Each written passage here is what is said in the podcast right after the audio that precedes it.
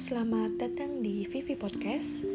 Saya Vivi, kali ini saya akan berbicara tentang benda peninggalan yang berada di rumah saya. Dan benda tersebut adalah berupa keris. Penggunaan keris sendiri memang sudah tersebar di masyarakat Melayu pastinya ya. Apalagi di zaman dulu masyarakat sangat percaya dengan mitos. Dan sampai saat ini pun beberapa mitos yang masih dipercaya dan dijaga sampai sekarang. Dan itu termasuk benda keris peninggalan dari kakek buyut saya. Yang sampai saat ini pun masih dijaga oleh keluarga saya. Saya memang tidak tahu banyak tentang peninggalan keris tersebut.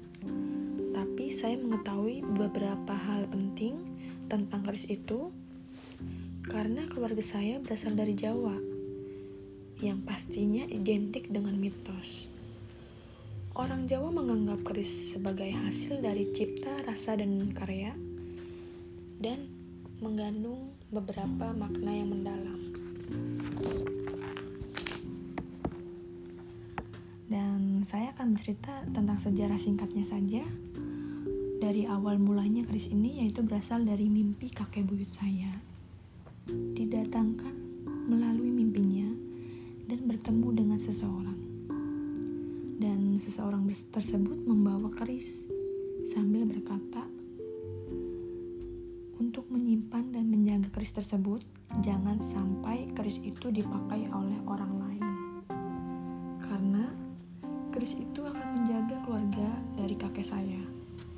Dan sampai saat ini, sampai saat sekarang pun, keris itu sangat dijaga dan dirawat oleh keluarga saya. Dan saya sendiri pun tidak tahu bentuk keris itu seperti apa, karena memang keris itu masih di dalam kotak dan tidak boleh dibuka. Dan itu saja yang saya ketahui tentang keris tersebut.